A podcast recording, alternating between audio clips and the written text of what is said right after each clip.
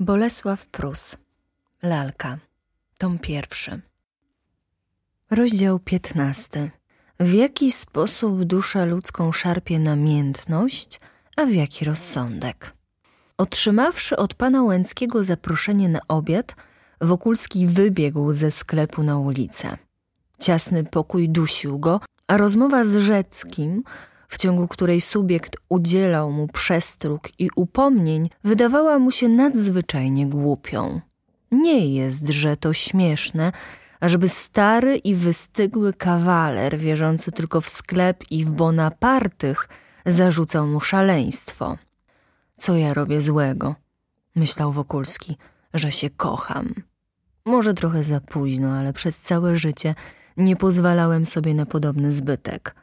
Kochają się miliony ludzi. Kocha się cały świat czujący. Dlaczegoż mnie jednemu miałoby to być zabronione?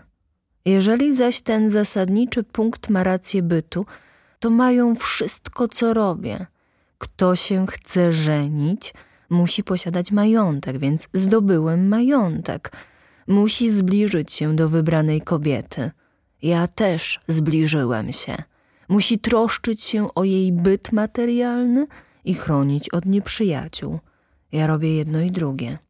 Czy zaś w tym dobijaniu się o szczęście skrzywdziłem kogo? Czy zaniedbuję obowiązków względem społeczeństwa i bliźnich? Ach, ci kochani bliźni to społeczeństwo, które nigdy nie troszczyło się o mnie i stawiało mi wszelkie przeszkody, a zawsze upomina się o ofiary z mojej strony. Lecz właśnie to, co oni dziś nazywają szaleństwem, popycha mnie do pełnienia jakichś fikcyjnych obowiązków. Gdyby nie ono, siedziałbym dziś jak mól w książkach i kilkaset osób miałoby mniejsze zarobki. Więc czego oni chcą ode mnie? Spytał sam siebie w rozdrażnieniu. Ruch na świeżym powietrzu uspokoił go. Doszedł do Alei Jerozolimskich i skręcił nią ku Wiśle. Owiał go rześki wiatr wschodni i zbudził te nieokreślone uczucia, które tak żywo przypominają wiek dziecinny. Zdawało mu się, że jeszcze na nowym świecie był dzieckiem i że jeszcze czuje w sobie drgające fale młodej krwi. Uśmiechał się do piaskarza wiozącego swój towar nędznym koniem w podługowatej skrzyni, a żebrząca wiedźma wydała mu się bardzo miłą staruszką. Cieszył go świst rozlegający się w fabryce i chciał pogadać z gromadką rozkosznych malców, którzy ustawiwszy się na przydrożnym pagórku, ciskali kamieniami na przechodzących Żydów. Uporczywie odsuwał od siebie myśl o dzisiejszym liście i jutrzejszej wizycie Łęckich. Chciał być trzeźwym, ale namiętność przemogła. Dlaczego oni mnie zaprosili? Pytał, czując lekki dreszcz wewnętrzny. Panna Izabela chce się ze mną poznać, ależ oczywiście dają mi do zrozumienia, że mogę się żenić. Byliby chyba ślepi albo idioci – żeby nie spostrzegli, co się ze mną dzieje wobec niej. Począł tak drżeć, że mu zęby szczękały. Wtedy odezwał się przygłuszony rozsądek. Za pozwoleniem. Od jednego obiadu i jednej wizyty jeszcze bardzo daleko do dłuższej znajomości. Na tysiąc zaś dłuższych znajomości ledwie jedna prowadzi do oświadczyn. Na dziesięć oświadczyn ledwie jedne są przyjęte, a i z tych ledwie połowa kończy się małżeństwem. Trzeba więc być zupełnym wariatem, ażeby nawet przy dłuższej znajomości myśleć o małżeństwie, za którym jest ledwie jedna, a przeciw któremu ze dwadzieścia tysięcy szans. Jasne czy niejasne? Wokulski musiał przyznać, że jest jasne. Gdyby wszelka znajomość prowadziła do małżeństwa, Każda kobieta musiałaby mieć po kilkudziesięciu mężów, każdy mężczyzna po kilkadziesiąt żon. Księża nie daliby sobie rady ze ślubami, a cały świat zamieniłby się w jeden wielki szpital wariatów. On zaś, Wokulski, nie tylko nie był jeszcze dobrym znajomym panny Łęckiej, ale dopiero znajdował się w przededniu do zrobienia z nią znajomości. Więc cóż zyskałem? spytał po bułgarskich niebezpieczeństwach i tutejszych wyścigach lub pojedynkach. Zyskałeś większą szansę, objaśniał rozsądek. Przed rokiem miałeś może jedną sto albo jedną dwudziestomilionową prawdopodobieństwa, że się z nią ożenisz, a za rok możesz mieć jedną dwudziestotysięczną. Za rok? Powtórzył Wokulski i znowu owionął go jakiś chłód surowy. Wydarł mu się jednak i zapytał, a jeżeli panna Izabela pokocha mnie albo już kocha? Naprzód należałoby wiedzieć, czy panna Izabela może kochać kogokolwiek. Alboż nie jest kobietą? Trafiają się kobiety z defektem moralnym, niezdolne kochać nic i nikogo, prócz swoich przelotnych kaprysów. Podobnież i mężczyźni. Jest to tak dobra wada jak głuchota, ślepota albo paraliż, tylko mniej widoczna. Przypuśćmy dobrze, mówił dalej głos, który Wokulskiemu przypominał zgryźliwe zrzędzenie doktora Schumana. Gdyby więc ta pani w ogóle mogła kogoś kochać, to nasuwa się drugie pytanie. Czy pokocha ciebie? Przecież tak wstrętny nie jestem. Owszem, możesz nim być. Jak najpiękniejszy lew jest wstrętnym dla krowy albo orzeł dla gęsi. Widzisz, mówię ci nawet komplimenta. Porównywam cię z lwem i orłem, które mimo wszystkich zalet budzą jednak odrazę w samicach innego gatunku. Unikaj zatem samic innego niż twój gatunku. Wokulski ocknął się i rozejrzał. Był już niedaleko Wisły, obok drewnianych spichrzów, a przejeżdżające furmanki zasypywały go czarnym pyłem. Szybko zwrócił się ku miastu i począł rozważać samego siebie. We mnie jest dwu ludzi, mówił. Jeden zupełnie rozsądny, drugi wariat. Który zaś zwycięży? Ach, o to się już nie troszczę. Ale co zrobię, jeżeli wygra ten mądry? Cóż to za okropna rzecz, posiadając wielki kapitał uczuć, złożyć go samicy innego gatunku, krowie, gęsi albo czemuś jeszcze gorszemu.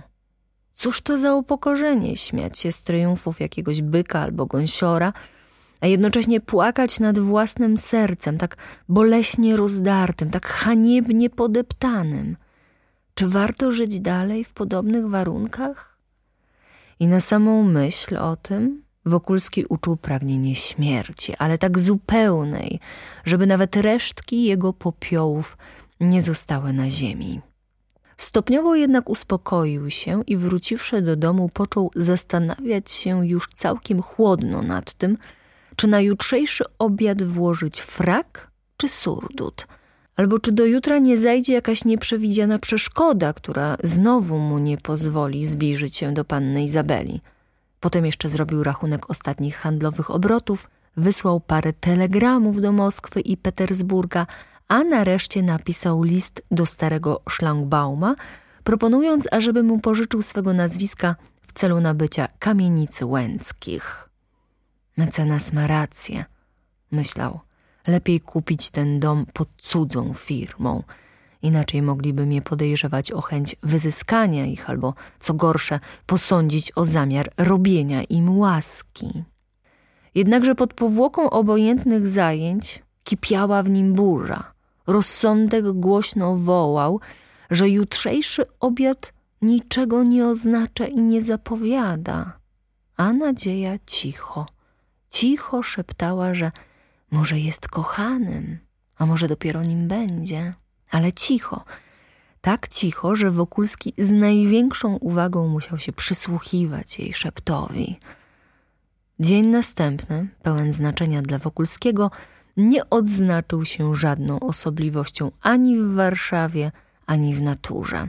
Tu i ówdzie na ulicy kłębił się kurz wzniecony miotłami stróżów, Dorożki pędziły bez pamięci albo zatrzymywały się bez powodu, a nieskończony potok przechodniów ciągnął się w jedną i drugą stronę chyba po to, ażeby utrzymywać ruch w mieście. Niekiedy pod ścianą domów przesuwali się ludzie obdarci, skuleni, z rękami wbitymi w rękawy, jakby to był nie czerwiec, ale styczeń. Czasem na środku ulicy przewinął się chłopski wózek napełniony blaszanymi konwiami, a powożony przez zuchowatą babę w granatowym kaftanie i czerwonej chustce na głowę. Wszystko to roiło się między dwoma długimi ścianami kamienic pstrej barwy, nad którymi górowały wyniosłe fronty świątyń. Na obu zaś końcach ulicy, niby pilnujące miasta Szeldwachy, wznosiły się dwa pomniki. Z jednej strony król Zygmunt, stojący na olbrzymiej świecy, pochylał się ku Bernardynom, widocznie pragnąc coś zakomunikować przechodniom. Z drugiego końca nieruchomy Kopernik z nieruchomym globusem w ręku odwrócił się tyłem do słońca, które na dzień wychodziło spoza domu Karasia. Wznosiło się nad pałac Towarzystwa Przyjaciół Nauk i kryło się za dom Zamojskich, jakby na przekór aforyzmowi wstrzymał słońce, wzruszył ziemię.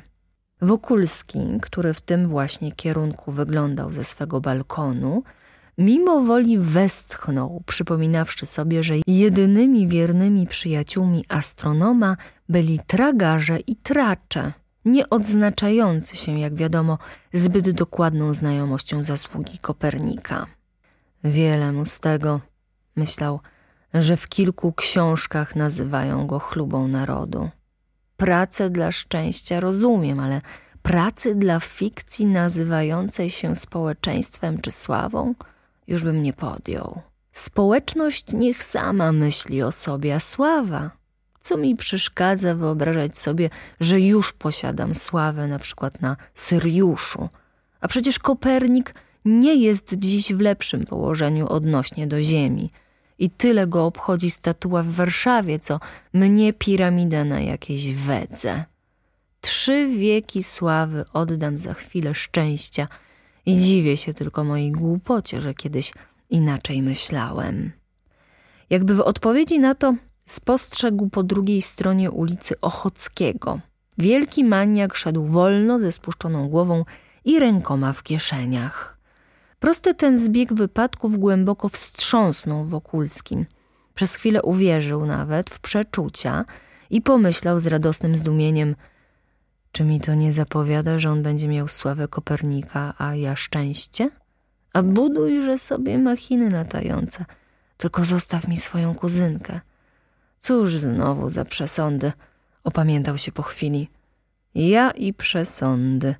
W każdym razie bardzo podobało mu się zdanie, że Ochocki będzie miał nieśmiertelną sławę, a on żywą pannę Izabelę. Serce napełniła mu otucha. Żartował z siebie, lecz mimo to czuł, że jakoś więcej ma spokoju i odwagi. Więc przypuśćmy, mówił, że w rezultacie po wszystkich moich zabiegach odtrąci mnie. No, słowo honoru, że natychmiast wezmę utrzymankę i będę z nią siadał w teatrze obok loży państwa łęckich. Zecna pani Meliton. A może i ten Maruszewicz wynajdą mi kobietę mającą podobne do niej rysy. Za kilkanaście tysięcy rubli można i to nawet znaleźć. Od stóp do głów owinę ją w koronki, zasypię klejnotami, a wtedy przekonamy się, czy wobec niej nie zblednie panna Izabela. Niechże sobie potem idzie za mąż, choćby za marszałka i barona. Ale na myśl o zamąż pójściu panny Izabeli opanowała go wściekłość i rozpacz. W takiej chwili chciałby cały świat nabić dynamitem i rozsadzić, lecz znowu oprzytomiał. No i cóż bym zrobił, gdyby podobało się jej wyjść za mąż? Nie, nawet gdyby podobało się jej mieć kochanków, raz mego subiekta, drugi raz jakiego oficera, trzeci raz furmana albo lokaja. No i cóż bym na to poradził? Poszanowanie cudzej osobistości i swobody było w nim tak wielkie, że przed nim uginał się nawet jego obłęd. Cóż zrobię, cóż zrobię? powtarzał ściskając dłońmi rozgorączkowaną głowę. Na godzinę wpadł do sklepu, załatwił kilka interesów i wrócił do siebie. O czwartej służący wydobył mu z komody bieliznę i przyszedł fryzjer ogolić go i uczesać. Cóż słychać, panie Fitulski? zapytał fryzjera. Nic, a będzie gorzej. Kongres berliński myśli o zduszeniu Europy. Bismarck o zduszeniu kongresu, a Żydzi o ogoleniu do reszty nas. Opowiadał młody artysta, piękny jak serafin, zręczny, jakby uciekł z żurnala krawców. Zawiązał Wokulskiemu ręcznik na szyi i mydląc mu policzki z szybkością piorunu, mówił dalej. Wymieście, panie, cicho do czasu, a zresztą nic. Byłem wczoraj z towarzystwem na Saskiej Kępie, ale cóż to, panie, za ordynaryjna młodzież. Pokłócili się w tańcu i proszę mego pana wyobrazić sobie, główkę trochę wyżej, s'il vous Wokulski podniósł głowę trochę wyżej i zobaczył, że jego operator nosi złote spinki przy bardzo brudnych mankietach. Pokłócili się w tańcu, ciągnął elegant, błyskając mu brzytwą przed oczyma. I proszę sobie wyobrazić, że jeden, chcąc kopnąć drugiego w wystawę, uderzył damę. Zrobił się hałas, pojedynek, mnie naturalnie wybrano na sekundanta i właśnie byłem dziś w kłopocie, bo miał tylko jeden pistolet, kiedy przed pół godziną przychodzi do mnie obrażający i mówi, że nie głupi strzelać się i że obrażony może mu oddać byle tylko raz. Główkę na prawo, s'il vous plaît. No i wie pan, byłem tak oburzony przed pół godziną, że porwałem faceta za galeryjkę. Kolanem w antresole i won, za drzwi. Z takim błaznem strzelać się nie podobno. Ne pas. Teraz na lewo, s'il vous plaît. Skończył golić, umył Wokulskiemu twarz i owinąwszy go w strój podobny do śmiertelnej koszuli delikwentów, mówił dalej. Że też nigdy u pana dobrodzieja nie spostrzegłem ani śladu kobiety. Przychodzę przecież w rozmaitych godzinach. Wziął do rąk grzebień i szczotkę i zaczął czesać. Przychodzę w rozmaitych godzinach, a oko, panie, mam na te rzeczy, no. Pomimo to nigdy ani rąbka spódniczki, ani pantofelka, ani kawałka wstążki. A przecież raz, nawet u jednego kanonika, zdarzyło mi się widzieć gorset. Prawda, że znalazł go na ulicy i właśnie chciał bezimiennie odesłać do redakcji. A, panie, u oficerów, szczególnie zaś u huzarów, główkę na dół, vous plaît, czyste zatrzęsienie. U jednego, panie, spotkałem aż cztery młode damy i wszystkie uśmiechnięte. Od tej pory daję słowo honoru, zawsze kłaniam się mu na ulicy, choć mnie opuścił i winien mi pięć rubli. Ale panie, jeżeli za krzesło na koncert Rubinsteina mógłbym dać sześć rubli, toż bym chyba nie żałował pięciu rubli dla takiego wirtuoza. Może by trochę poczernić włosy? Je supeke qui? Bardzo panu dziękuję, odparł Wokulski. Domyślałem się tego, westchnął fryzjer. W szanownym panu nie ma śladu pretensji. A to źle. Znam kilka baletniczek, które chętnie zawarłyby z panem stosuneczki. A słowo honoru daje, że warto. Prześlicznie zbudowane, muskulatura dębowa, biust jak materac na sprężynach, ruchy pełne gracji i wcale nie przesadzone wymagania, szczególnie za młodu. Bo kobieta, panie, im starsza, tym droższa. Zapewne i dlatego nikt nie ciągnie na sześćdziesięciolatki, że już nie ma na nie ceny. Rothschild by zbankrutował. Początkującej zaś da pan trzy tysiące rubelków na rok, kilka prezencików i będzie panu wierna. Ach, te kobietki. Dostałem przez nie sciatyki, lecz nie mogę się na nie gniewać. Skończył swą sztukę, ukłonił się według najpiękniejszych zasad i wyszedł z uśmiechem. Patrząc na jego wspaniałą minę i portfel, w którym nosił szczotki i brzytwy, można by go wziąć za urzędnika z ministerium. Wokulski po jego odejściu nawet nie pomyślał o młodych i niewymagających baletniczkach. Zajmowało go wielkiej doniosłości pytanie, które streścił w dwóch wyrazach: frak czy surdut? Jeżeli włożę frak, wyjdę na eleganta pilnującego się przepisów, które mnie w rezultacie nic nie obchodzą. A jeżeli włożę surdut, mogę Łęckich obrazić – Zresztą niechże znajdzie się ktoś obcy. Nie ma rady, jeżeli zdobyłem się na takie błazeństwa jak własny powóz i koń wyścigowy, to już frak muszę włożyć. Tak medytując, śmiał się z tej otchłani dziwactw, do której spychała go znajomość z panną Izabelą. Ach, mój stary hopferze, mówił. O, wy, moi koledzy uniwersyteccy i syberyjscy, czy któryś z was wyobrażał sobie mnie zajmującego się podobnymi kwestiami? Ubrał się w garnitur frakowy i stanąwszy przed lustrem uczuł zadowolenie. Ten obcisły strój najlepiej uwydatniał jego atletyczne kształty. Konie czekały od kwadransa i było już w pół do szóstej. Wokulski włożył lekki paltot i opuścił mieszkanie. Siadając do powozu był bardzo blady i bardzo spokojny, jak człowiek, który idzie naprzeciw niebezpieczeństwu. Koniec rozdziału piętnastego. Ciąg dalszy nastąpi.